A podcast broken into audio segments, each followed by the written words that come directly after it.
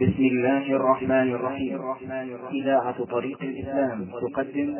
تقدم والإخوة في الله هذا هو الشريط الثامن والثلاثون من شرح نونية ابن القيم.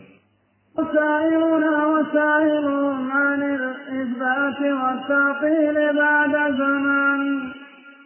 فأعد حينئذ جوابا كافيا عند السؤال يكون ذا تبيان. وش جواب هؤلاء؟ إذا قال الله لهم يوم القيامة لقد قلت في كتابي الرحمن على العرش استوى وقلتم أنتم لا استواء ولكن قيل لقد قلت في كلامي بما خلقت بيدي وقلتم لا يدان ولكن نعمتان أو قدرتان أو مع الشهادات إذا قلت لقد قلت في, كتابي كذب بأعيننا وقلتم لا عين وش جوابهم على هذا؟ نسأل الله العافية. ليس هناك جواب. ليس هناك جواب. هم وإن أوتوا جدلا في الدنيا لكن لا يمكن أن يؤتوا جدلا في الآخرة. ثم جدلهم في الدنيا أيضا لا يفيد. إنما يلتبس على من؟ على العميان. أما ذوو البصائر فإن جدلهم هذا لا يفيد بل هو خزي لهم والعياذ بالله. كما حصل لله الحمد من أئمة الهدى في الرد على هؤلاء المعطلة من الجهمية والمعتزلة وغيرهم. فالحاصل أن المؤلف رحمه الله أوصانا جزاه الله خيرا وصية نافعة. ليس فيها في نصوص الصفات فقط حتى في الأمور العملية. أعد فأعد حينئذ جوابا شافيا عند السؤال. يكون ذات جانب قال الله تعالى للرسول عليه الصلاة والسلام وإنه لذكر لك ولقومك. ها؟ وسوف تسألون. أنت وقومك تسألون عن هذا الكتاب هل قمتم بحقه هل بلغتموه الأمم؟ هل جاهدتم به الكافرين إلى آخره. الحقيقة أن الأمر شديد يا أخوان. الأمر شديد والمسؤولية شديدة. ولا تحتاج إلا إلا إلى العزيمة الصادقة والاستعانة بالله عز وجل. نعم. هذا وثالث فناسيا وناسي ما تدل عليه بالبهتان. لا جاحد الرحمن رأسا لم يقر بخالق أبدا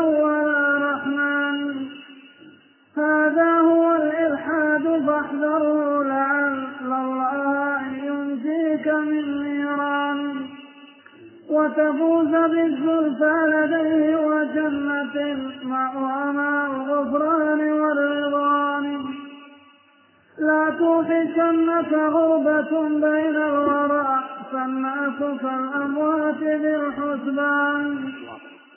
أوما علمت بأن أهل أوما علمت بأن أهل السنة الغرباء حقا عند كل زمان. قل متى سلم الرسول وصحبه والتابعون لهم على الإحسان من جاهل ومعاند ومنافق ومحارب بالبغي والطغيان. وتظن أنك وارث لهم وما ذقت الأذى في نصرة الرحمن.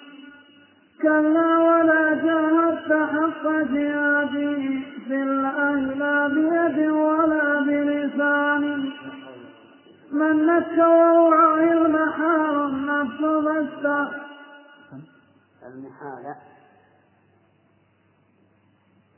من نك والله المحال من نك والله المحال النفس فاستحدث سوى ذا الرأي والحسبان.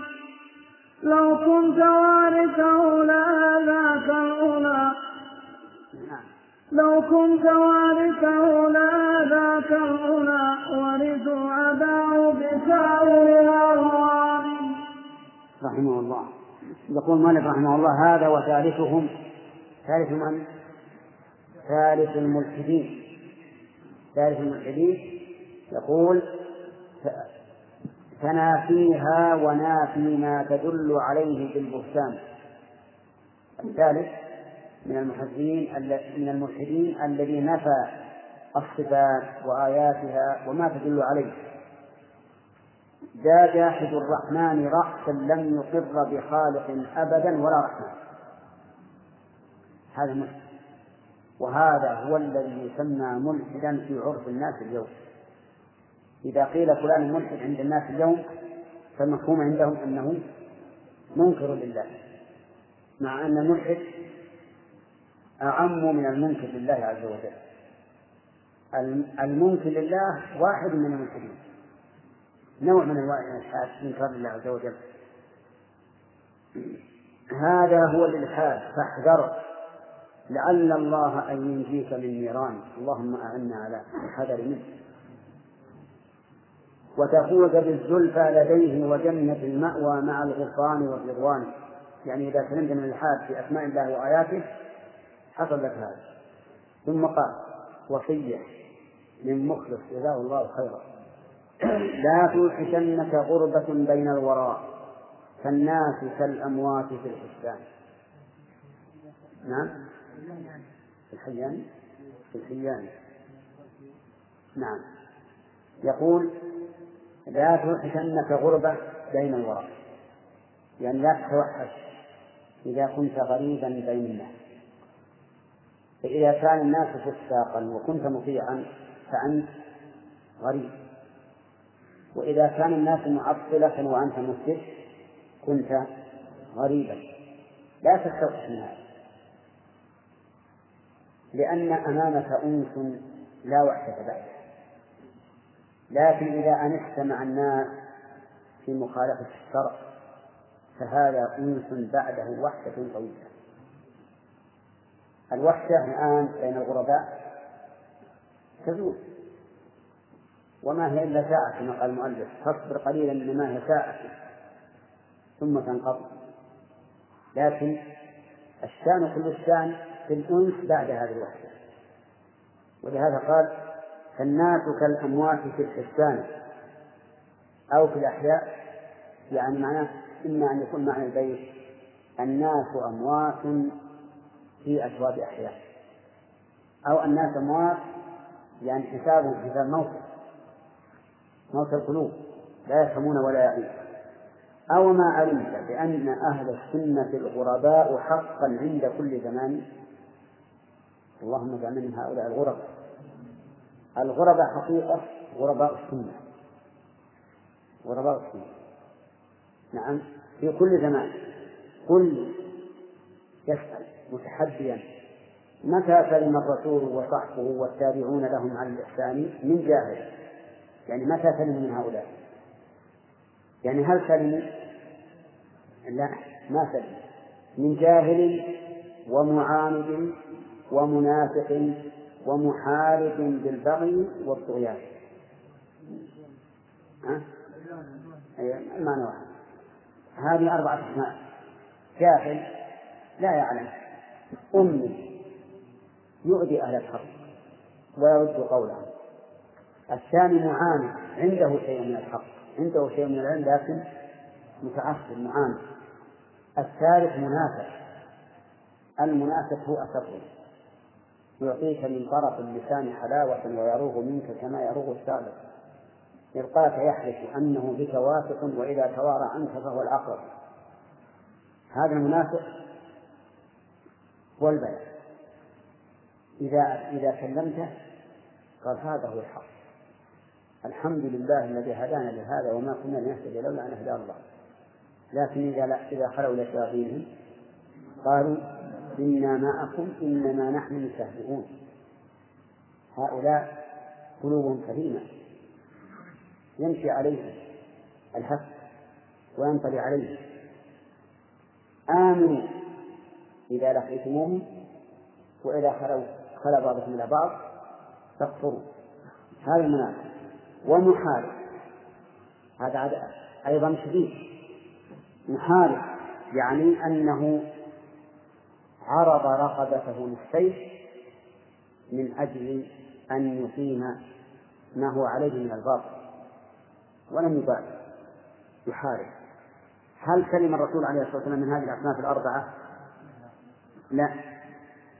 وتظن أنك وارث لهم وما دقت الذي ذاق الأذى في نصرة الرحمن؟ يعني هل تظن أنك وارث الرسول عليه الصلاة والسلام ولم تذق الذي ذاق؟ إن كنت تظن ذلك فقد خاب ظنك. لأن الإرث يقتضي تلقي ما تركه الموروث من كل شيء في الدعوة والعمل والصبر على الأذى وإرخاص الدنيا كلها من أجل تحقيق هذه الدعوة. هذا الإرث. فهل تظن أنك وارث لهم وما دخت الأذى في نصرة الرحمن؟ إن كان ظنك هكذا فقد خاب ظنك. كلا ولا جاهدت حق جهاده في الله. لا بيد يعني لا جاهدت بيد ولا بلسان. وتريد أن تكون وارثا للرسول صلى الله عليه وسلم. لا. إن كنت تريد هذا أو تظن أنك وارثه فقد خاب ظنك.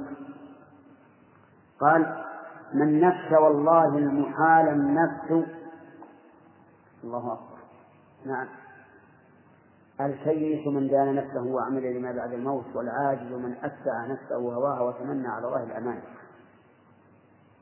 فأنت إذا كنت تمنيك نفسك أن تصل إلى درجة النبيين ووارث النبيين وأنت لم تقم بما قام به النبيون من الدعوة والصبر على الأذى فيها فإن نفسك تمنيك المحال.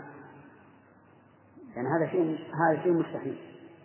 وأنت إذا نظرت إلى الذين قاموا بالدعوة إلى الله وجدتهم أشد الناس أذية. يعني يؤذون أكثر من غيرهم. الإمام أحمد إمام أهل السنة يجرب البغلة في السوق.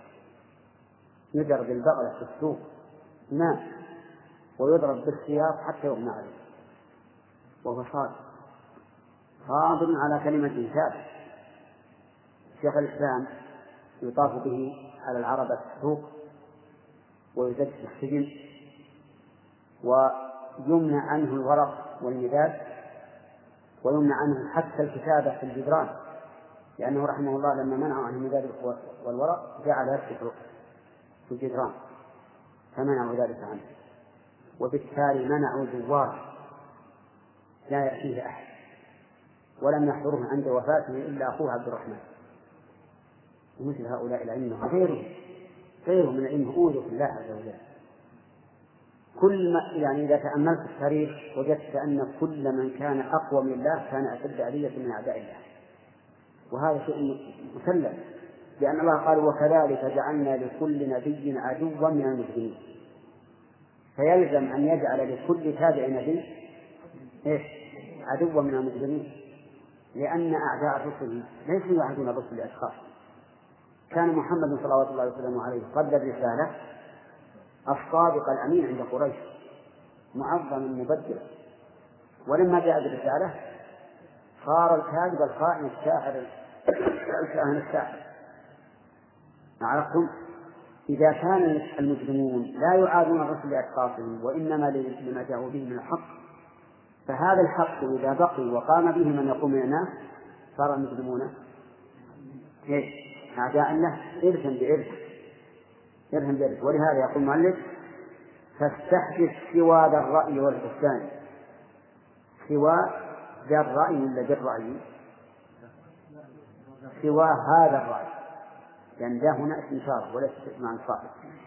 سوى ذا الرأي والحسان لو كنت وارثه لا آذاك الذي ورثوا عداه بسائر الألوان. صحيح.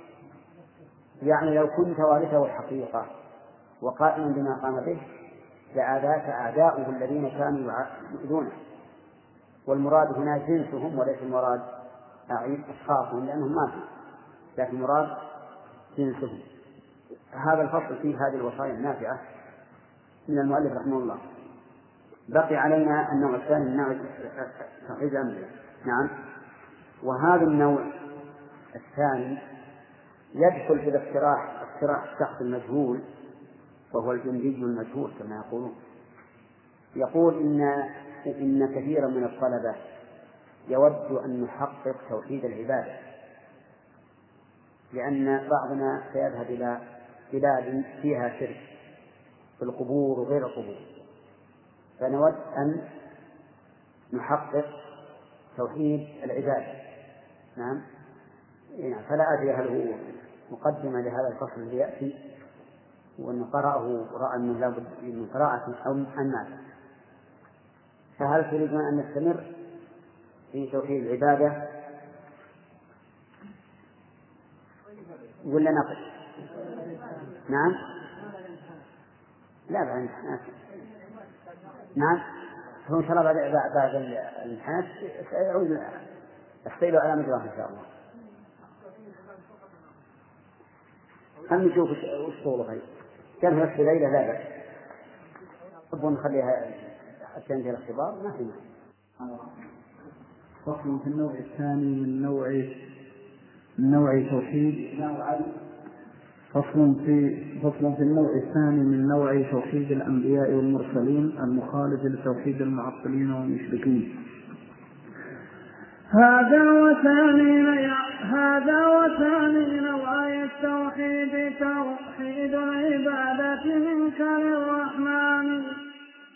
ألا تكون لغيره عبدا ولا تعبد بغير شريعة الإيمان. فتقوم بالإسلام والإيمان والإحسان في سر وفي إعلان والصدق والإخلاص ركن ذلك.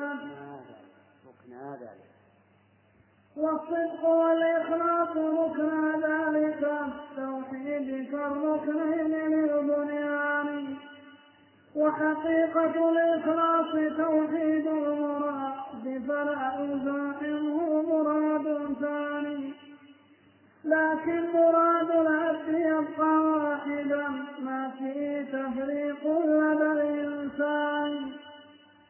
إن كان ربك واحدا سبحانه فاخصصه بالتوحيد مع إحسان.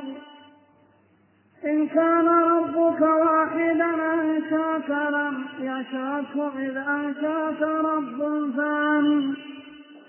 فكذاك أيضا وحده فاعبده لا تعبد سواه يا أخ العرفان والصدق توحيد الإرادة وهو بذل الجهد لا كسل ولا متواني والسنة المثلى والسنة المثلى لسالكها فتوحيد الطريق الأعظم السلطان. فلواحد كن واحدا في واحد أعني سبيل الحق والإيمان. هذه ثلاث مسعدات للذي قد نألا والفضل للمنان. فإذا هي اجتمعت لنفس حرة بلغت من العلياء كل مكان. لله قلب كما في قلب فمن الخيام فهم بالطيران. لولا التعلل بالرجاء تصدعت أشعر كتصدع البنيان. وتراه يبسطه الرجاء فيمتني متمأيلا كتمايل النشوان. ويعود يقبض الإياس لكونه متخلفا عن رتبة الإحسان. فتراه بين القبض والبسط اللذين هما لأفق سمائه قطبان وبدا له سعد السعود فصار مسراه عليه لا على الدبران دبران. وبدا له سعد السعود فصار مسراه عليه لا على الدبران لله بياك الفريق فإنهم خصوا بخالصة من الرحمن. شدت ركائبهم إلى معبودهم ورسوله يا خيبة الكسلان. بسم الله الرحمن الرحيم. قال المؤلف رحمه الله تعالى فصل في النوع الثاني من نوعي من نوعي توحيد الأنبياء والمرسلين. المخالف لتوحيد المعطلين والمشركين.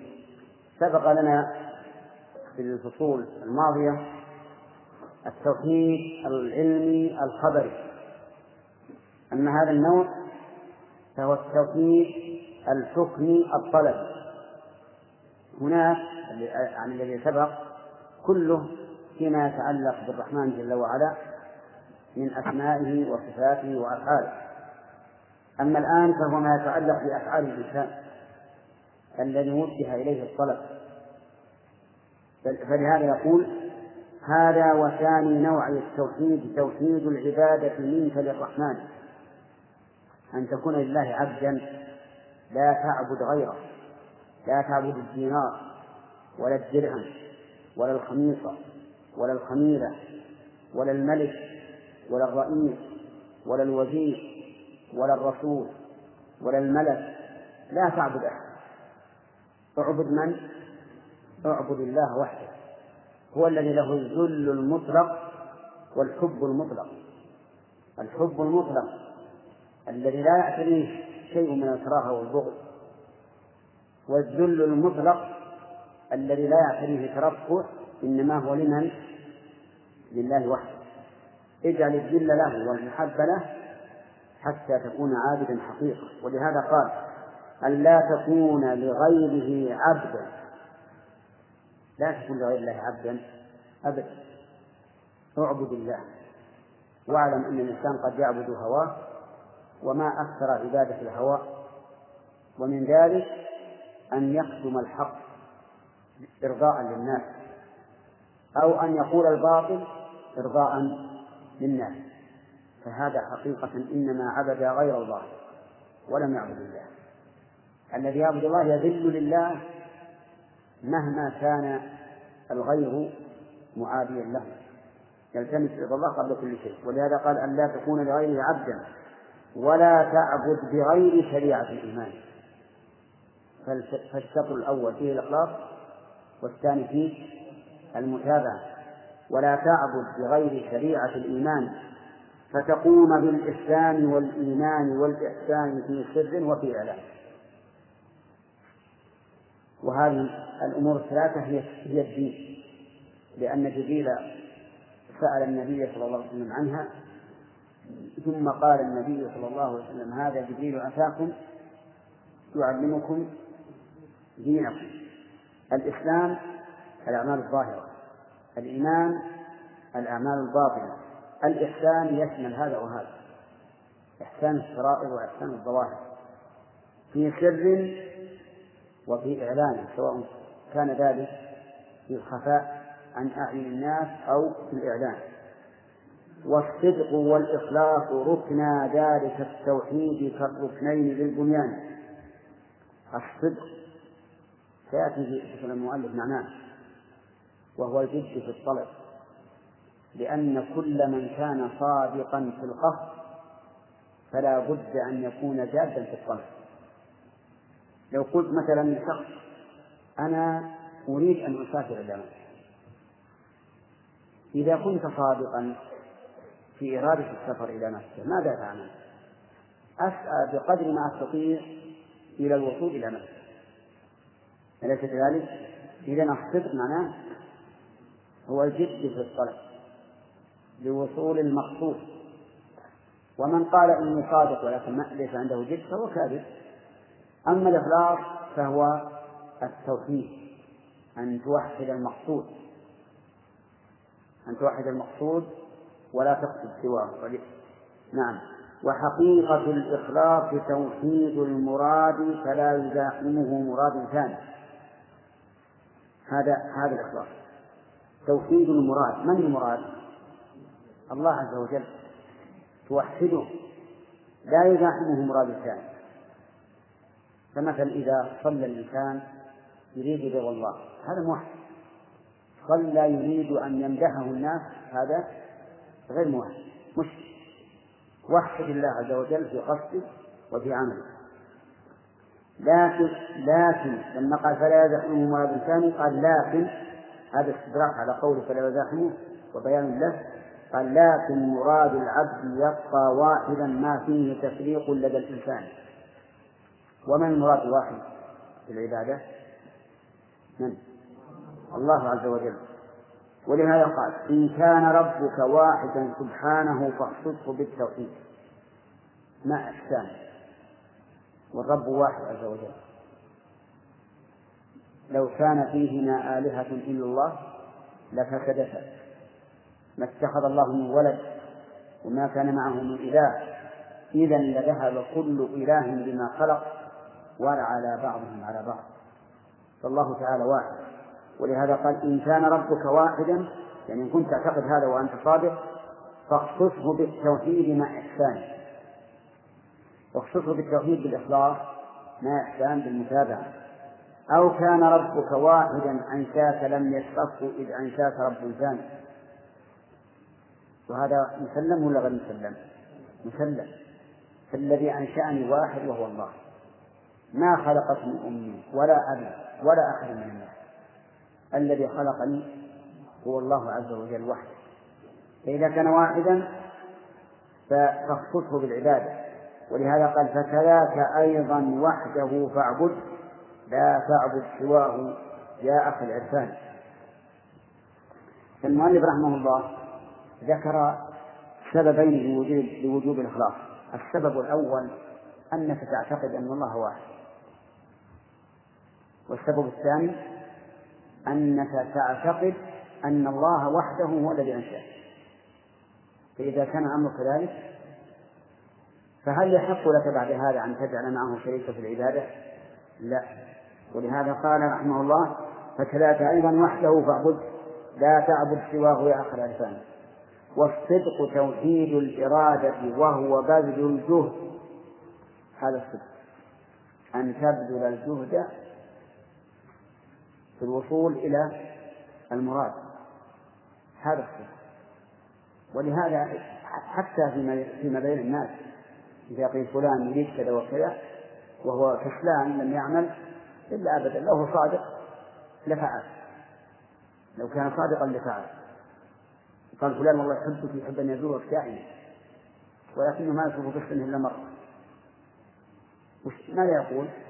يقول لو كان صادقا أنه يحب الزيارة نعم لزاره. إذا الصدق بذل الزهد في في الوصول إلى المقصود. الإخلاص توحيد المراد كما سبق. طيب يقول والصدق توحيد الإرادة وهو بذل الجهد لا كسلا ولا متواني والسنة المثلى لسالكها فتوحيد الطريق الأعظم السلطان. الله أكبر. هذا توحيد الطريق. لأن عندنا الآن الرب عز وجل وهو المقصود والمراد فلا بد من الإخلاص له ولا بد من الصدق في طلبه ولا بد أيضا من سلوك الطريق الموصل إليه أليس كذلك؟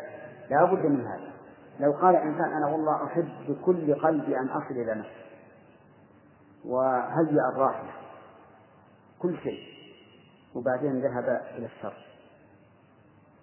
وين رايح؟ رايح المسجد صح هذا؟ ليش؟ لأنه لم يسلك الطريق الموصل إلى الله فلا بد من سلوك الطريق الذي يوصلك إلى الله. وما هو الطريق؟ ما فيه إلا طريق واحد وهو طريق رسول الله صلى الله عليه وسلم. أسأل الله أن يوفقني وإياكم لسلوكه. ما في غير هذا الطريق. وأن هذا صراط مستقيما فاتبعوه ولا تتبعوا السبل فتفرق بكم عن سبيله. ولهذا قال والسنة المثلى يعني العليا في المثل. التي هي خير الهدي لسالكها فتوحيد الطريق الأعظم السلطان. فلواحد كن واحدا في واحد. الله لواحد الله. في واحد السنة. كن واحدا أنت. يعني وحد نفسك لله عز وجل. في أي, طريق؟ في طريق الله. طريق واحد. فلواحد كن واحدا يعني كن واحدا لواحد في واحد. نعم. أعني سبيل الحق والإيمان هذه ثلاث مسعدات للذي قد نالها والفضل للمنان. اللهم اجعلنا ممن ينال. كن واحدا في واحد. كن واحدا لواحد في واحد. لواحد من؟ الله. في واحد طريق النبي صلى الله عليه وسلم. نعم. فإذا فإذا هي اجتمعت بنفس حرة بلغت من العلياء كل مكان. هذا بيت لإنسان قبل المؤلف. من هو؟ المتنبي.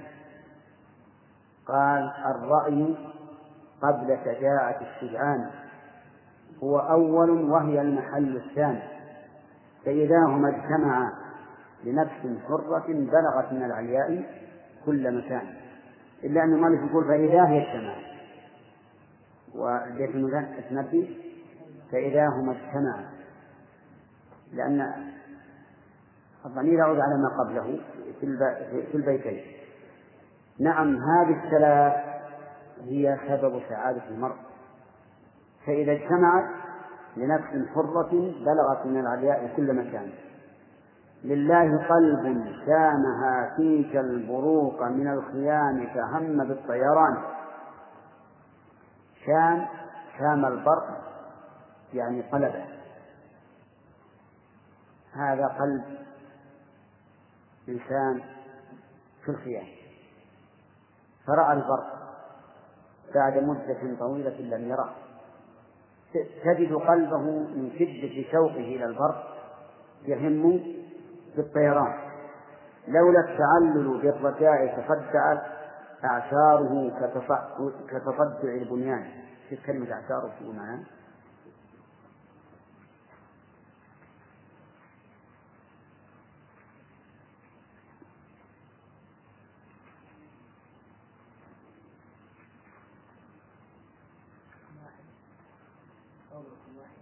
نعم لا كن واحدا فقط. لا لا واحد أنت. أنت واحد تستطيع تكون واحدا لواحد نعم. حتى ابن عيسى. و ها؟ ما هي موجودة؟ الظاهر والله أعلم أن أعشار البيت الخيمة أنها جوانب هذا الظاهر. ولهذا قال لولا التعلل بالرجاء تصدعت أعشاره كتصدع البنيان. وعلى كل حال نرجع إن شاء الله تعالى. وتراه يبسطه الرجاء فينثني متمايلا كتمايل النشوان ويعود يقبضه الإياس لكونه متخلفا عن رفقة الإحسان. الله أكبر. يعني قلبه أحيانا ينفتح له الرجاء. فيفرح. ويطرب ويقول وصلت إلى الغاية وأحيانا يقدره اليأس. لماذا؟ لأنه متخلف عن رفقة الإحسان. يجد نفسه يقول أين أين أنا من قوم لا ينامون الليل؟ يحيونه ركعا وسجدا وقياما لله عز وجل. فمتى أصل إلى إلى منازل هؤلاء؟ وأحيانا يبسطه الرجاء. فيقول إن عفو الله أوسع من عقوبته ويحمله الرجاء على أن ينشرح صدره ويفرح ويطرح ولهذا قال المؤلف رحمه الله فتراه بين القبض والبسط اللذين هما لأفق سمائه قطبان يعني قلبه بين القبض والبسط. متى يبسط؟ عند الرجاء وينقبض عند اليأس والخوف. ولهذا اختلف أهل العلم رحمهم الله في السائر إلى الله عز وجل. هل يغلب الرجاء أو يغلب الخوف؟ لأنه إن غلب الرجاء وقع في محذور وهو أمن وهو الأمن من مكر الله. وإن غلب الخوف وقع في محذور وهو اليأس من رحمة الله.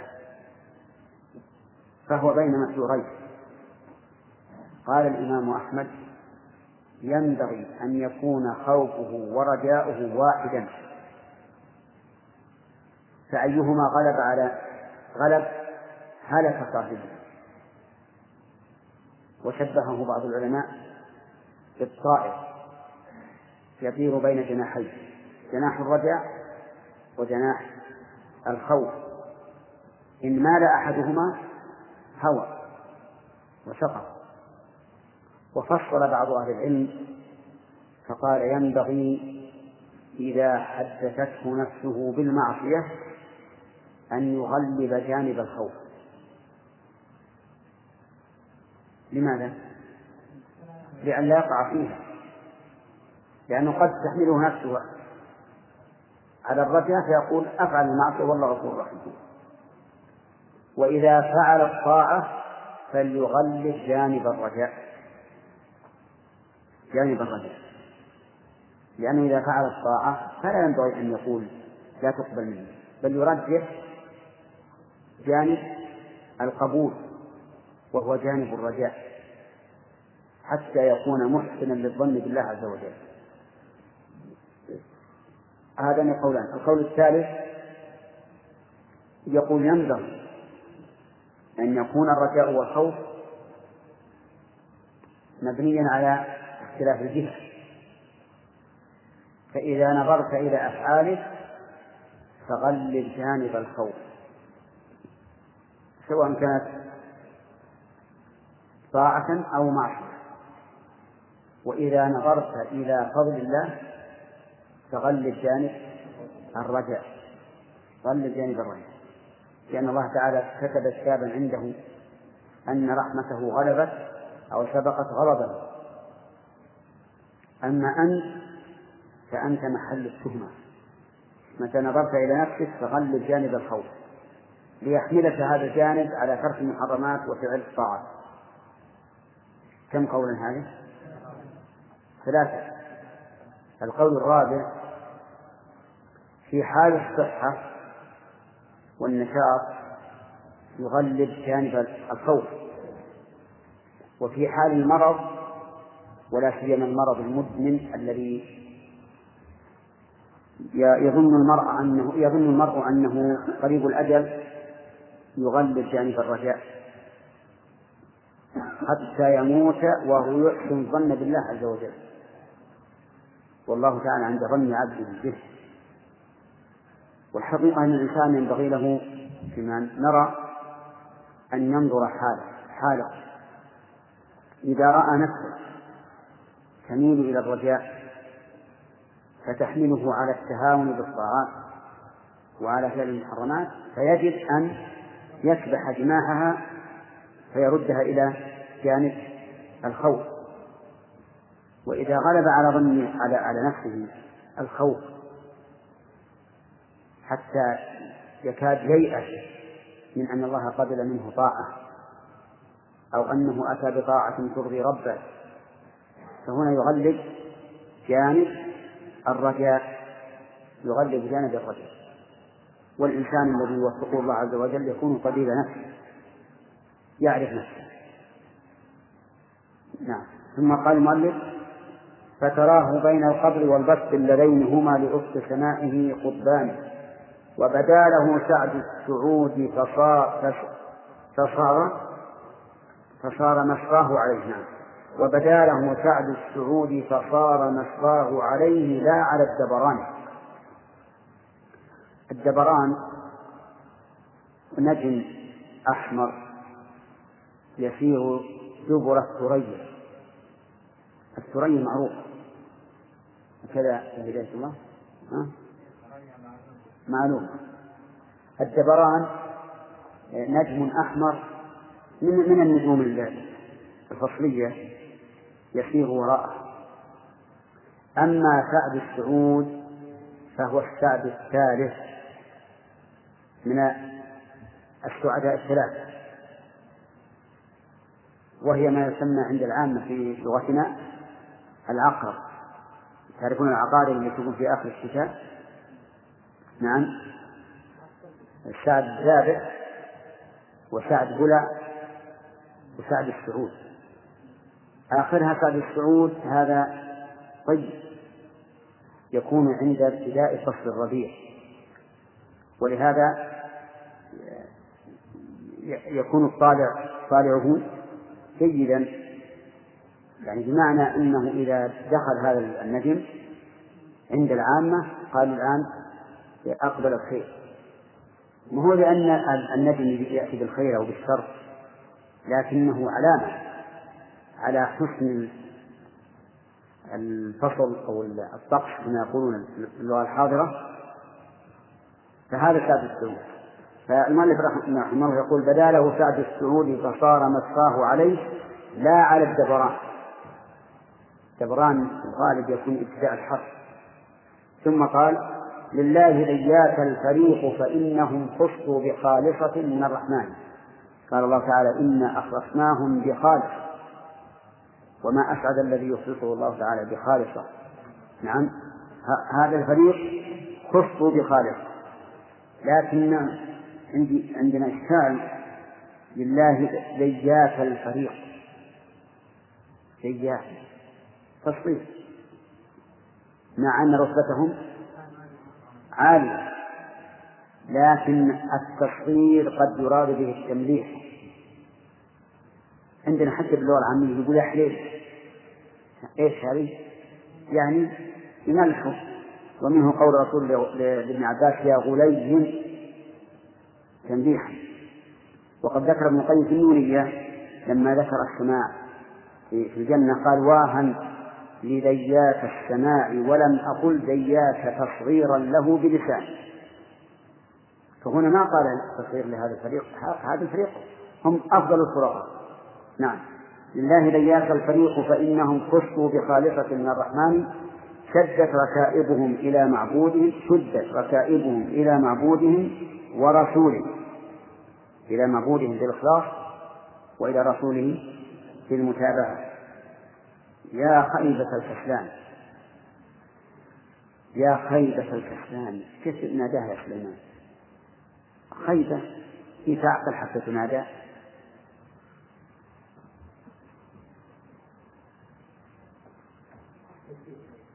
إيه؟ ليس المراد النداء؟ اي نعم. طيب المشكل إذا قلنا التنبيه وش اللي نفضها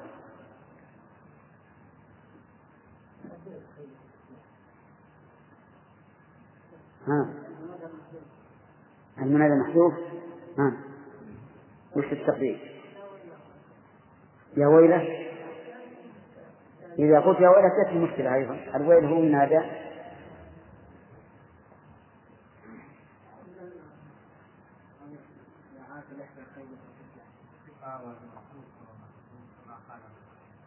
إيش وش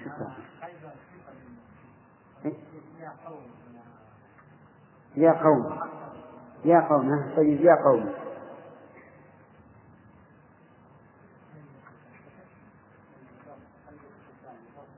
أين حارس؟ لكن ما الذي نصب خيمة؟ خيبة إيه. منزلة العاقل يعني يا خيبة الكسلان احضري فإن الكسلان ليس له إلا الخيب والندم.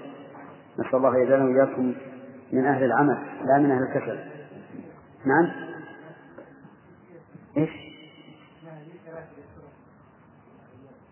فلواحد كن واحدا في واحد.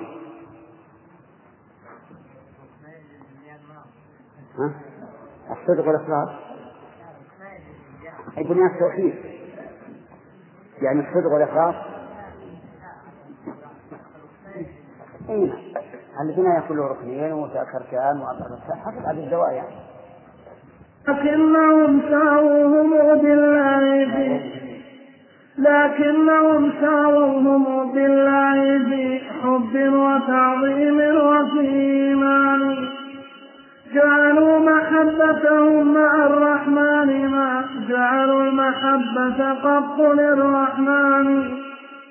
لو كان حبهم لأجل الله ما عادوا أحد لو كان حبهم لأجل الله ما عادوا أحبته على الإيمان ولما أحبوا صفه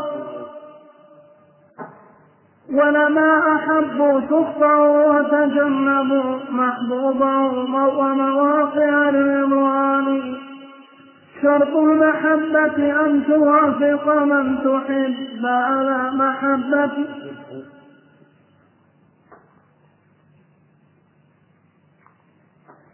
شرط المحبة أن توافق من تحب على محبته بلا عصيان. فإذا ادعيت له المحبة مع خلافك ما يحب فأنت ذو بهتان أتحب أعداء الحبيب وتدعي حبا له ما ذاك في إمكاني. وكذا تعادي جاهدا أحبابه أين المحبة يا أخ الشيطان؟ المؤلف رحمه الله ذكر الشرك المضاد لهذا التوحيد. أي أقسام التوحيد؟ توحيد العبادة. الذي نسميه بتوحيد الطلب لأن توحيد الخبر سبق الكلام عليه وانتهى. يقول والشرك فاحذره فشرك ظاهر ذا القسم ليس بقابل الغفران. الشرك إحذار كله الظاهر والخفي. لكن من الشرك ما هو ظاهر لا يقبل الغفران. لقول الله تعالى إن الله لا يغفر أن يشرك به. واختلف العلماء رحمهم الله في الشرك الأصغر كالحلف بغير الله ويسير الرياء ومع الشهادات. هل يغفره الله أو لا؟ فمنهم من قال إنه لا يغفر لعموم قوله تعالى إن الله لا يغفر أن يشرك به. ومنهم من قال بل يغفر لأن الشرك الذي لا يغفر هو الذي قال الله عنه إنه من يشرك بالله فقد حرم الله عليه الجنة ومأواه النار وما للظالمين من أنصار. وهذا الثاني هو ظاهر كلام ابن القيم رحمه الله ولهذا قال فشرك ظاهر فلا القسم لا القسم يعني شرك الظاهر ليس بقابل الغفران. ثم ذكر منه أشياء قال وهو اتخاذ الند للرحمن أيا كان من حجر ومن إنسان.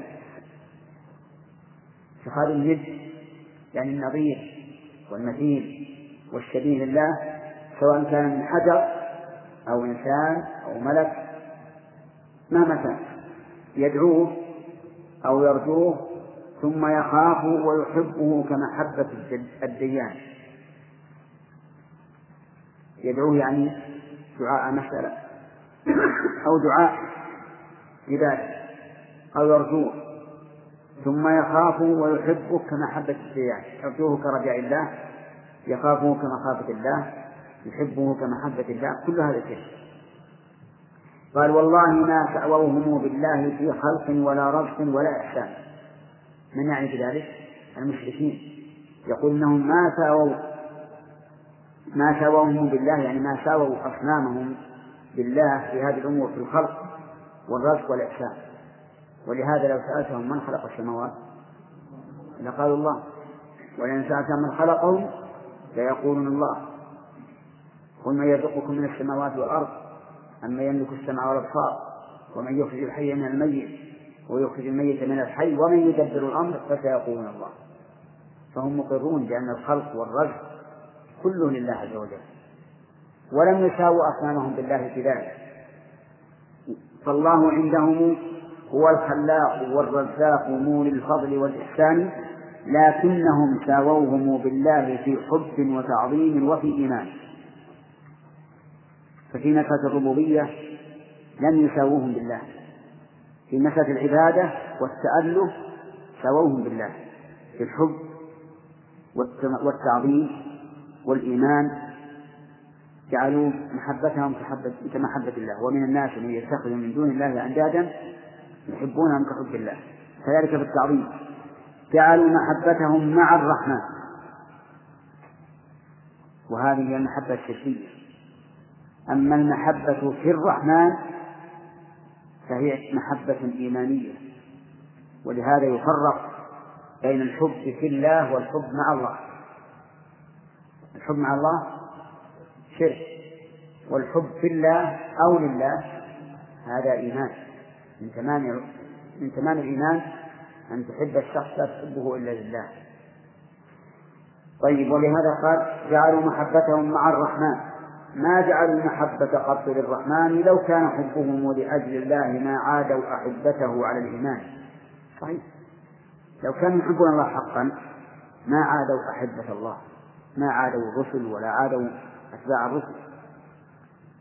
ولما أحبوا سخطه وتجنبوا محبوبه ومواقع رضوانه وهذا أيضا صحيح. من لازم محبتهم لله أن يتبعوا ما يرضيه. أما أن يتبعوا ما يسخط الله فإنهم وإن ادعوا المحبة صادقون في ذلك. ثم قال المؤلف رحمه الله عز وجل شرط المحبة أن توافق من تحب على محبته بلا عصيان صحيح. شرط المحبة الدال على صدقها. أن توافق من تحب على محبته يعني على من يحبه بلا عصيان وأنت لو جربت هذا فيما بينك وبين الناس وقلت شخص والله إني أحبك حبا شديدا. أحبك. في يوم من الأيام جاء إليك وقال افعل كذا وكذا. اذهب إلى فلان كلمه والله ما أذهب ما نبدأ هل هذا يدل على محبته لك؟ ها؟ لا. لأنك لو كنت صادقا لذهبت. والإنسان اللي يحب الشخص يتشرف ويفرح إذا أمره وليس يخالفه. كذلك فإذا ادعيت له المحبة مع خلافك مع خلافك ما يحب فأنت ذو بهتان أي ذو كذب. أتحب أعداء الحبيب وتدعي حبا له؟ ما ذاك بإنسان صحيح. إنسان يدعي أنه يحب شخصا ولكن وهو يحب أعداءه هل هذا صحيح؟ قولوا يا جماعة. صحيح. مرات إيش؟ لو كان يحبه حقا ما حب أعداءه لكان عدوا لأعدائه.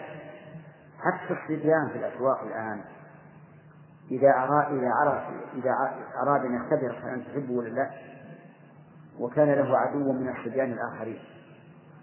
يأتي إليك ويقول أنت معي ولا معي يعني إيش؟ هل أنت من أوليائي ولا من أوليائي إذا قال أنا معك. ولكنه في آخر النهار وجده مع الثاني. وش تقول؟ يعتب عليه يقول أنت كذاب. كيف تقول إنك معي وأنك تحبني وتروح تحب عدوي؟ فهذا شيء في الفطر. لا يمكن أن تحب أعداء شخص وأنت وأنت صادق في محبته أبدا قال وكذا تعادي جاهدا أحبابه. يعني تحب أعداءه وتعادي جاهدا بقدر ما تستطيع أحبابه. أين المحبة يا أخي الشيطان؟ ليست موجودة. ولهذا من علامة محبة الإنسان لله أن يحب من يعبد الله. فإذا رأيت في نفسك كراهة لأحد من عباد الله فإنه يجب عليك أن تصح إيمانك ومحبتك لله. لا يمكن أن تبغض أحدا من أولياء الله. ولهذا نرى أن أبعد الناس عن محبة الله من يبغضون صحابة رسول الله صلى الله عليه وسلم. فإن الذي يبغض الصحابة لا شك أنه لا يحب الله. لأن الصحابة من أولياء الله. وهم خير القرون نصا من الرسول عليه الصلاة والسلام. فإذا أبغضهم شخص فكيف يقول أنا أحب الله؟ إذا أبغضهم شخص فهو في الحقيقة وسبهم فهو في الحقيقة قد طعن فيه.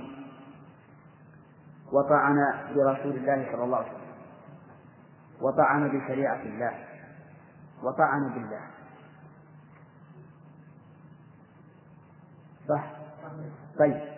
طعن فيهم كيف؟ بسبب واضح. طعن بالشريعة؟ لأن الشريعة متلقاة من عنده. من الذي أوصل الشريعة إلى الأمة؟ إلا الصحابة.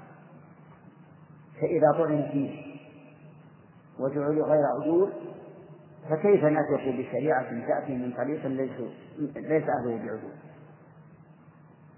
طعن بالرسول عليه الصلاة والسلام. كيف؟ لأن أصحاب هؤلاء أصحاب. والمرء مع من أحب ويستدل على المرء بقرينه ولهذا قال الحكيم الشاعر عن المرء لا تسأل وسل عن قرينه فكل قرين بالمقارن يقتدي طيب طعن بالله. أن الله اختار هؤلاء الفسق على زعمهم والعياذ بالله لصحبة خير الخلق عند الله. طعن بالله. هل الحكمة تأبى ذلك أو, أو تؤيد ذلك؟ تأبى ذلك غاية الإبادة فالمهم أن كل أحد يدعي محبة الله ثم يحب أعداء الله ويبغض أولياء الله فإنه كاذب في فيما يقول. نعم. نعم.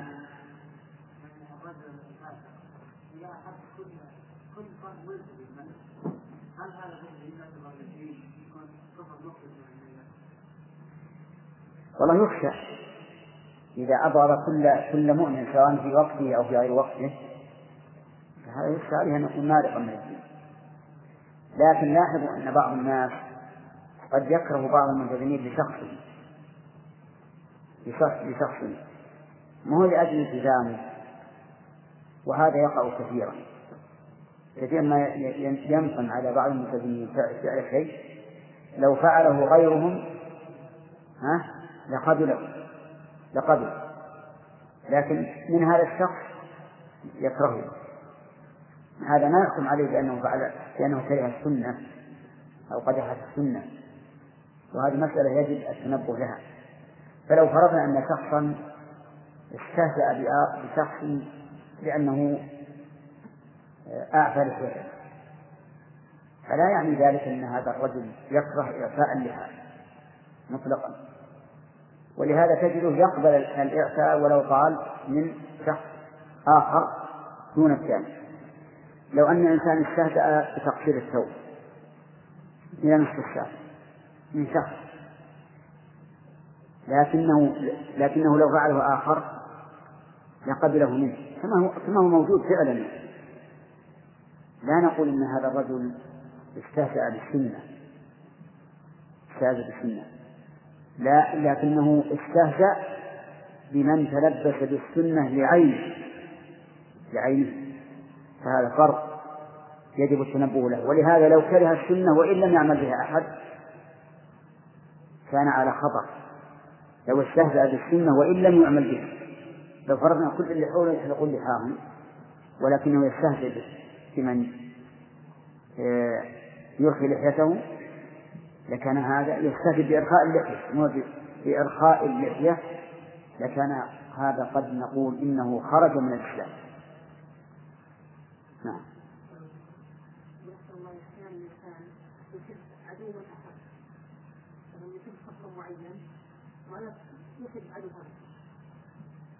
ولا هذا طيب. يعني نعم. العلماء يعني الزمان بينهم الاقران بينهم حسد وبينهم بغضاء تجد بعضهم يعادي بعض. فبين هذا الشخص يحب هذا العالم بما إنه من العمل الصالح. لأنه ما يحب عداوته لشخص معين طيب ماشي معناه إنه كره العمل كره عمل هذا الشخص الذي الذي حاد به عن الصراط المستقيم. إيه لا بأس. هذا يقع. لكن إذا أحب هذا الشخص لشخصه وهو وهو معادي لمن أحب. هذا لا يمكن. هذا لا يمكن لكن يكون مثل كما قلت عالم قد نفع الناس بعلمه لكن بينه وبين من أحبه من العلماء الآخرين عداوة. العداوة هذا غير واقع في الواقع. يعني عداوة يجب أن تكون ميتة. نعم. أخذنا ثلاثة نعم.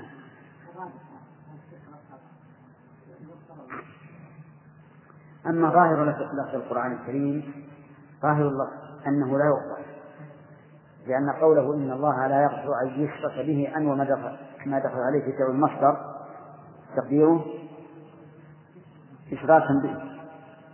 إشراكا به. وهذا عام. نكرة في سياق النفي. وإن كانت ليست نكرة صريحة بل بالتأويل. ومن نظر إلى المعنى وأن الله تعالى قال إنه من يشرك بالله فقد حرم الله عليه الجنة ومواه النار وهذا بالاتفاق المراد به الشرك الأكبر.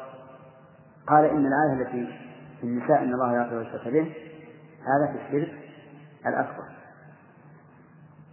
ولكن على كل حال الإنسان على خطر ويجب عليه أن يتوب من الشرك الأصغر يخشى إن مات بدون توبة منه أن يعذب به. قد إيش؟ قد لا يعلم يعني يحفظها من عبد الناس أو من الرياء أو كذا يعني في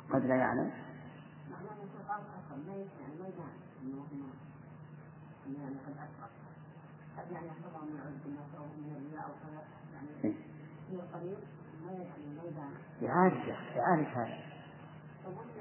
هو على كل الرياء الرياء لا شك أنه يهاجم قلب المرء. لكن إذا كان يدافع ويتهرب منه فهو ما يضر لأنه لا يضر حتى لو فرض أن الشيطان أوقع في قلب الإنسان العادل أوقع في قلبه الرياء ثم كان يطارده فإنه لا لا يضر هنا. نعم. لا مهم هذا الأول. الثاني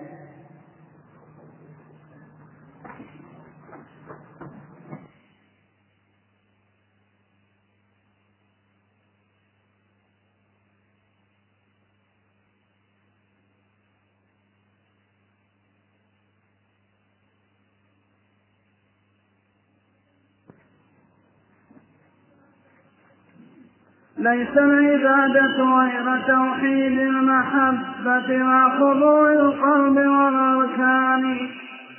والحب نفس وساقه فيما يحب وبغض ما لا يرتوي بجنان. ووفاقه نفس اتباع أمره والقصد وجه الله للإحسان.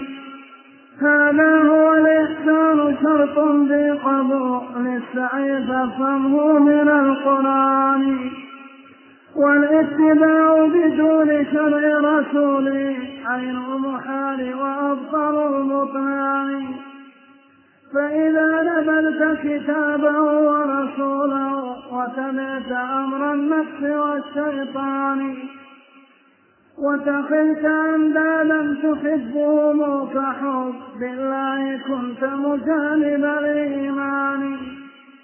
ولقد رأينا من فريق يدعي الإسلام شركا ظاهر التبيان. قالوا له شركاء ولوهم وسووهم به في الحب للسلطان والله ما ساووهم بالله بل زادوا لهم حبا بلا كتمان. والله ما غضبوا إذا انتهكت محارم ربهم في السر والإعلان. حتى إذا ما قيل في الوثن الذي يدعو ما فيه من نقصان. فأجارك الرحمن من غضب ومن حرب ومن شتم ومن عدوان. وأجارك الرحمن من ضرب وتعزير ومن سب ومن تسجان والله لو عطلت كل صفاته ما قابلوك ببعض ذا العدوان. والله لو خالفت نص رسولي نصا صريحا واضح التبيان. وتبعت قول شيوخهم أو غيرهم كنت المحقق صاحب العرفان حتى إذا خالفت آراء الرجال لسنة المبعوث بالقرآن نادوا عليك ببدعة وضلالة قالوا وفي تكفيره قولان قالوا تنقصت الكبار وسائر العلماء بل جاهرت بالبهتان. هذا ولم تسلبهم حقا لهم ليكون ذا كذب وذا عدوان. وإذا تنبت صفاته وعلوه وإذا طلبت صفاته وعلوه وكلامه جهرا بلا كتمان لم يغضبوا بل كان ذلك عندهم عين الصواب ومقتضى الإحسان. والأمر والله العظيم يزيد فوق الوصف لا يخفى على العميان. وإذا ذكرت الله توحيدا رأيت وجوههم مكشوفة الألوان. بل ينظرون إليك شجرا مثل ما نظر السيوف إلى عصا الجوبان. وإذا ذكرت بمدحة شركاءهم يتباشرون تباشر الفرحان. والله ما شموا روائح دينه يا زكمة أي والله ما شموا روائح دينه يا زكمة أعيا الطبيب زماني. سبق لنا أنه رحمه الله قال إن العبادة ركناها الأساسيان هما الصدق والإخلاص. مع متابعة الرسول عليه الصلاة والسلام. وهذا أيضا مبني على المحبة والتعظيم. لا يمكن عبادة بدون محبة أبدا. ولا يمكن استقامة بدون تعظيم. ولهذا قال المؤلف والحب نفس وفاقه فيما يحب وبغض ما لا يقتضي بجنان. الحب الصادق أن توافق الله عز وجل فيما يحب. وتبغض ما لا يرتضي فمن قال أنا أحب الله لكن لا أحب الصلاة قلنا له كذا. ومن قال أنا أحب الله ولكن لا أكره الزنا قلنا كذا الذي يحب الله لا بد أن يحب ما يحبه الله ولا بد أن يكره ما يكرهه الله. ووفاقه نفس اتباع نفس اتباعك أمره والقصد وجه الله بالإحسان. إذا قيل ما هو الوفاق موافقة الرب عز وجل. نقول أن تتبع أوامره قاصدا وجهه. هذا هو الموافقة لله عز وجل. ثم قال هذا هو الإحسان شرط في قبول السعي تفهمه من القرآن. لا يقبل الله شيئا سبحانه وتعالى بدون إحسان. وما أمروا إلا ليعبدوا الله مخلصين له الدين حنفاء. فلا بد من ذلك. وقال تعالى ليبلوكم أيكم أحسن عملا. فعمل ليس فيه إحسان غير مقبول عند الله. والاتباع بدون شرع رسوله عين المحال وأبطل البطلان لو قال أنا أنا متبع وابتدع في دين الله ما ليس منه. قلنا هذا محال. كيف تكون كيف تقول إنك متبع وأنت مبتدع؟ ولهذا نحن نقول كل من جاء ببدعة في دين الله فقد نقص من اتباعه دين الله بقدر ما أتى به من البدع. سواء في العقيدة أو في القول أو في الفعل. فمثلا من حرف النصوص في العقائد فهو مبتدع وفاته من الاتباع بقدر ما حرف. من أتى بأقوال أذكار صلوات على الرسول عليه الصلاة والسلام أدعية مخالفة لما جاء في الشريعة فهو مبتدع. ولو قال إنه يحب الله ويحب الوصول إليه.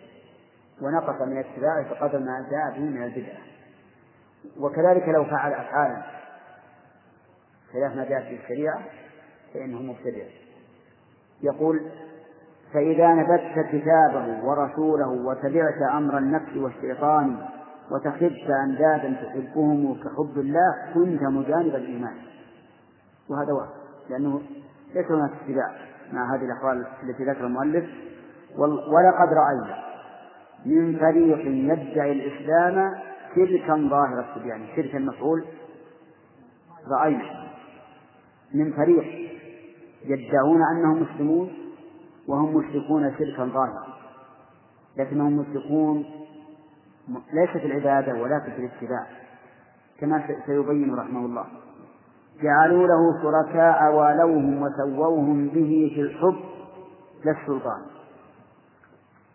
أحبوهم كما أحب الله ولكنهم لم يجعلوا لهم سلطانا كسلطان الله. لو سألتهم من رب السماوات والأرض قالوا الله.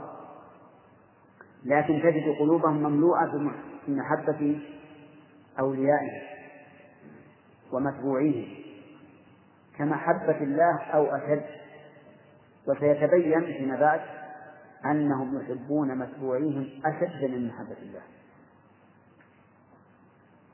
واستمع. والله ما غضبوا إذا انتهكت محارم ربهم في السر والإعلان. ها؟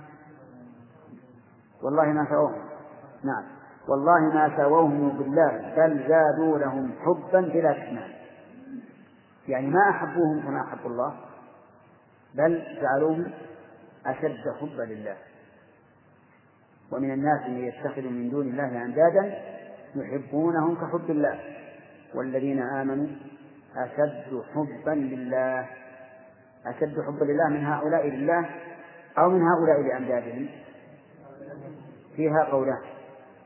فمنهم من قال أشد حبا لله من هؤلاء لأنداده ومنهم من قال أشد حبا لله من هؤلاء لله لأن محبة هؤلاء لله محبة مشروطة ومحبة المؤمنين محبة خالصة.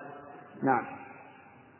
والله ما غضبوا إن انتهكت محارم ربهم في السر والإعلان حتى إذا ما قيل في الوثن الذي يدعونه ما فيه من نقصان. ما بمعنى الذي وليس النافي يعني حتى إذا قيل في الوثن الذي يدعونه الذي فيه من النقصان فأجارك الرحمن وقوله إذا ما قيل تنطبق عليها قاعدة يا طالبا قل زائد ما بعد إذا زائد يكون تقيل الكلام حتى إذا قيل. فأجارك الرحمن من غضب ومن حرب ومن شتم ومن عدوان. ومن ضرب وتعذيب وسب وشد. إذا قلت في الوثن الذي يدعونه ما فيه من النقصان وبينت نقصه وعيبه فأجارك الرحمن من غضب يعني أنهم يغضبون عليك. ومن حرب يحاربونك ومن شتم يشتمونك ومن عدوان عليك بالضرب أو بأخذ المال أو ما أشبه ذلك وأجارك الرحمن من ضرب يضربونك ومن تعذيب يعذرونك إما بالضرب أو بغيره ومن سب يسبونك يطلقون ألسنتهم فيه ومن تفتان يعني سجن يسجنونك لأنك عدت عليها. والله لو عطلت كل صفاته ما قابلوك ببعض العدوان. لو عطلت كل من؟ الله عز وجل. ما قابلوك ببعض ذا العدوان والله لو خالفت نص رسوله نصا صريحا واضح التبيان وتبعت قول شيوخهم أو غيرهم كنت المحقق صاحب العرفان نعوذ بالله. إذا خالفت النص الصريح تبعا لقول شيوخهم قالوا هذا العالم هذا الذي عنده العلم. أنت المحقق أنت صاحب المعرفة. لكن لو خالفت قول قول شيوخهم لكتاب الله وسنة رسوله قالوا هذا جاهل. حتى إذا خالفت آراء الرجال بسنة المبعوث في القرآن نادوا عليه. في بدعة وضلالة قالوا وفي تكفيره قولان. إذا خالفت آراء الرجال وقول شيوخهم في كتاب الله وسنة رسوله قالوا هذا مبتدع ضال ثم قالوا وفي تكفيره عندنا قولان منا من قال إنه كافر ومنا من قال ها إنه مبتدع ضال ولا ونبرأ إلى الله من نطق عليه الكفر. نعم. هؤلاء ورعوه الذين تورع من الكفر أما الآخرون فهم أشجع منه. كفروا هذا الذي خالف آراء الشيوخ بكلام الله وكلام رسوله. يقول قالوا تنقصت الكبار وسائر العلماء بل جاهرت بالبهتان. وهذا لا شك أنه واقع لكن نحن في بلادنا والحمد لله لا نحس به لأنه لا يوجد لكن أخرج إلى البلاد الأخرى في البلاد الإسلامية أو اقرأ ما جرى في التاريخ تجد هذا أمر حق. إذا خالفت أمر الشيوخ ينادون عليك بالصياح والعويل أنت مبتدع ضال أنت متنقص العلماء أنت فارس. لا. ها؟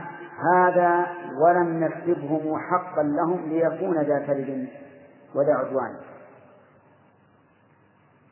ولو أن لو أن البيت هذا ولم تكتبه محقا لهم لتكون ذا كذب وذا عدوان. لأنه قال بل جاهرت بالبهتان يعني هذا مع أنك لم تكتبه حقهم ولم تكن كاذبا فيما قلت فيه. وإذا سلبت صفاته وعلوه وكلامه جهرا بلا كتمان لم يغضبوا. كلام إذا جحدت صفات الله وكلامه وعلوه لم يغضبوا بل كان ذاك عند بل كان ذلك عندهم عين الصواب ومقتضى الإحسان. لأنهم ينكرون الصفات ينكرون الكلام ينكرون العلو. فمن أثبته فهو ضال مبتدع ومن نفاه فهو الذي قال الصواب. والأمر والله العظيم يزيد فوق الوصف لا يخفى على العميان. يعني أمر هؤلاء يزيد على الوصف. حتى على ما قاله رحمه الله. وإذا ذكرت الله توحيدا رأيت وجوههم مكشوفة الألوان. نعوذ بالله. وإذا ذكر الله وحده اشمأزت قلوب الذين لا يؤمنون بالآخرة.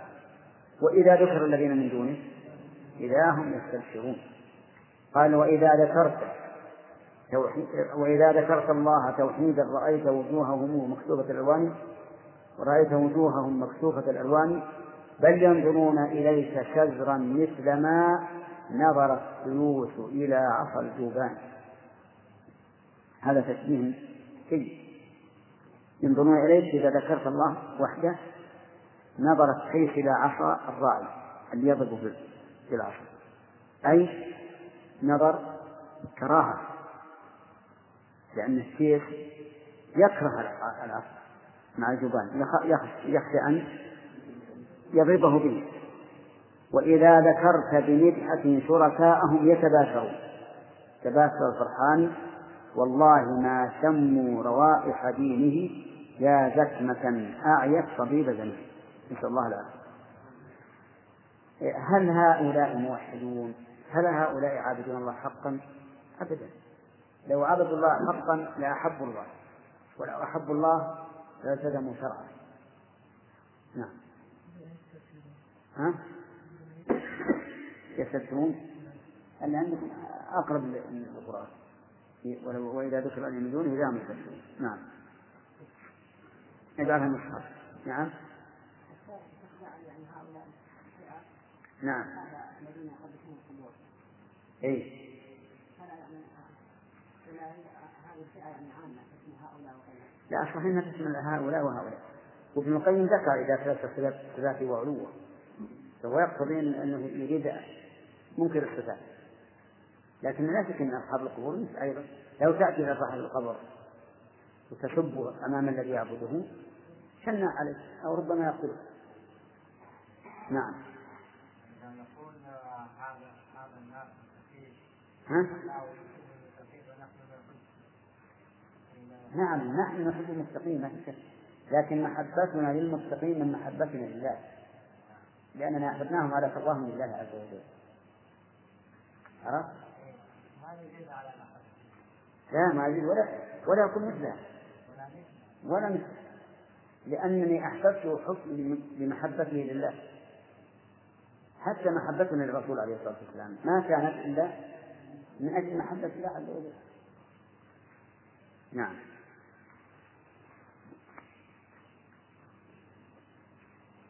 فصل في وقت العسكرين وتقابل الصفين واستدارة رحى الحرب العوان وتصاول الأقران يا من يحب الحرب جهلا ما لكم بقتال حزب الله قط يدان. أنا تقوم جنودكم لجنودهم وهم الهداة وناصر الرحمن. وجنودكم ما بين كذاب ودجال ومحتال ولي مهتان من كل أران يدعي المعقول وهو مجانب للعقل والإيمان. أو كل مبتدع وجهمي غدا في قلبه حرج من القرآن. أو كل من قد دان دين شيوخ أهل الاعتزال البين البطلان. أو قائل أو قائل بالاتحاد وإنه عين الإله وما هنا شيئان. أو من غدا في دينه متحيرا أتباع كل ملدد حيران. وجنودهم جبريل مع ميكال مع باقي الملائكة ناصر القرآن. وجميع رسل الله من نوح إلى خير الورى المبعوث من أدنان. فالقلب خمسة فالقلب خمستهم أولو العزم الأولى في سورة الشورى أتوا ببيان. في أول الأحزاب أيضا ذكرهم هم خير خلق الله من إنسان. ولواؤهم بيد الرسول إصابة الإسلام. ولواءهم بيد الرسول محمد. محمد؟ محمد ليس تفسير الأخير ها؟ أي لكن ولواءهم بيد الرسول محمد والكل تحت لواء السلطان وجميع أصحاب الرسول. فيه من تقديم التأخير عندي لا عندنا هذا ها؟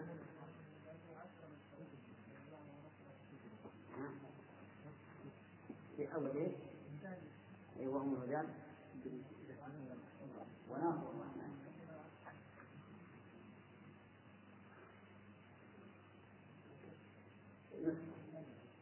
أكثر.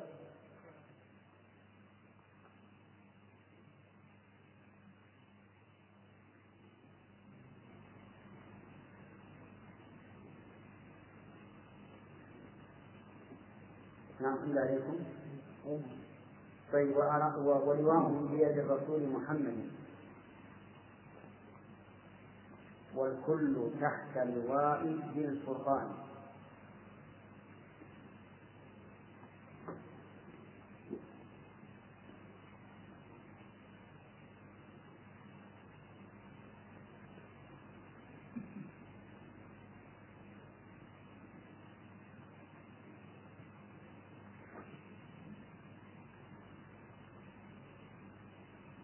من بعده وجميع أصحاب الرسول نعم.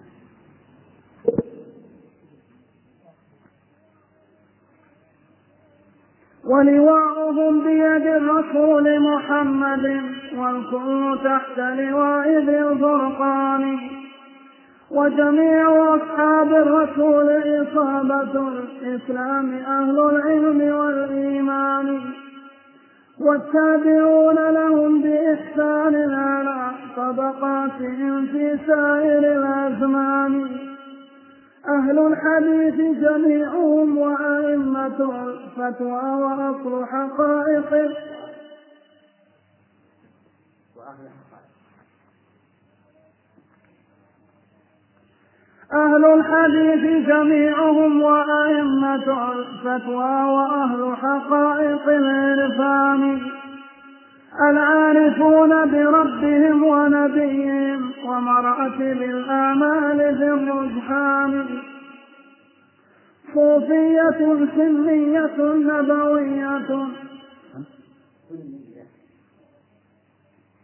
صوفية سنية نبوية ليسوا أولي شر صوفية سنية نبوية ليسوا أولي شطح ولا هذيان. هذا كلامهم لدينا حاضر من غير ما كذب ولا كتمان. فاقبل حوالة من أحد. فاقبل حوالة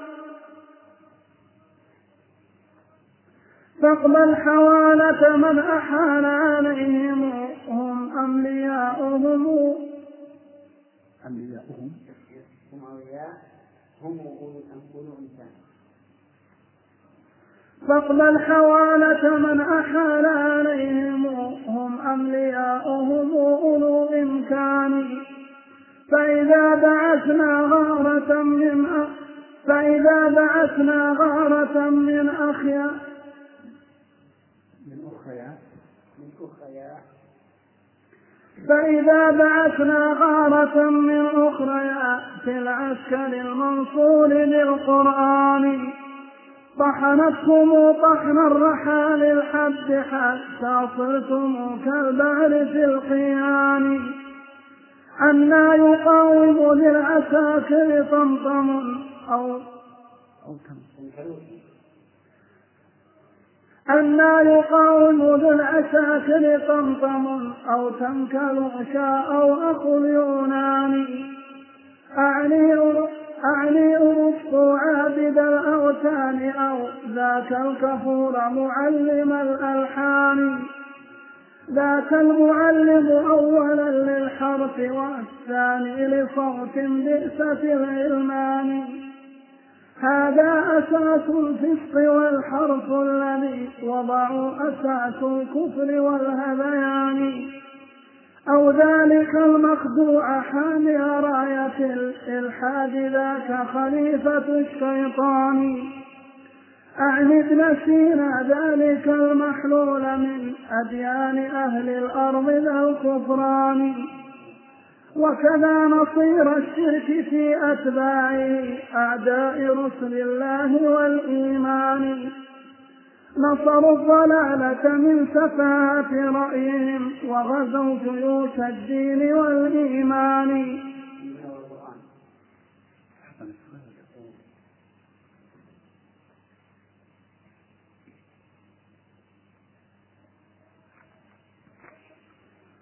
فجرى على الإسلام منهم محنة لم تجر قط بسالف الأزمان أو جعد أوجههم وأتباع له هم أمة التعطيل والبهتان. أو حفص أو بشر أو النظام ذاك مقدم الفساق والمجان والجعفران كذاك شيطان ويز والجعفران كذاك شيطان ويدعى الطاق لا حييت من شيطان. وكذلك الشحام والعلاف والنجار أهل الجهل بالقرآن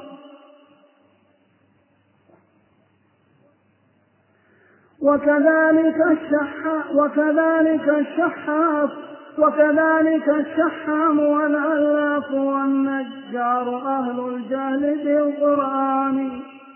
والله ما في القوم شخص رافع بالوحي رأسا بل برأي فلان. وخيار عسكركم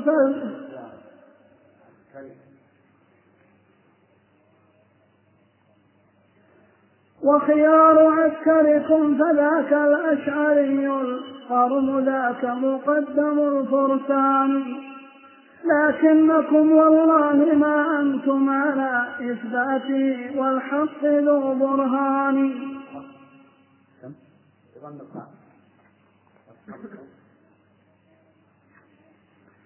لكنكم والله ما أنتم على إثباته والحق ذو برهان هو قال إن الله فوق العرش واستولى مقالة كل ذي بهتان.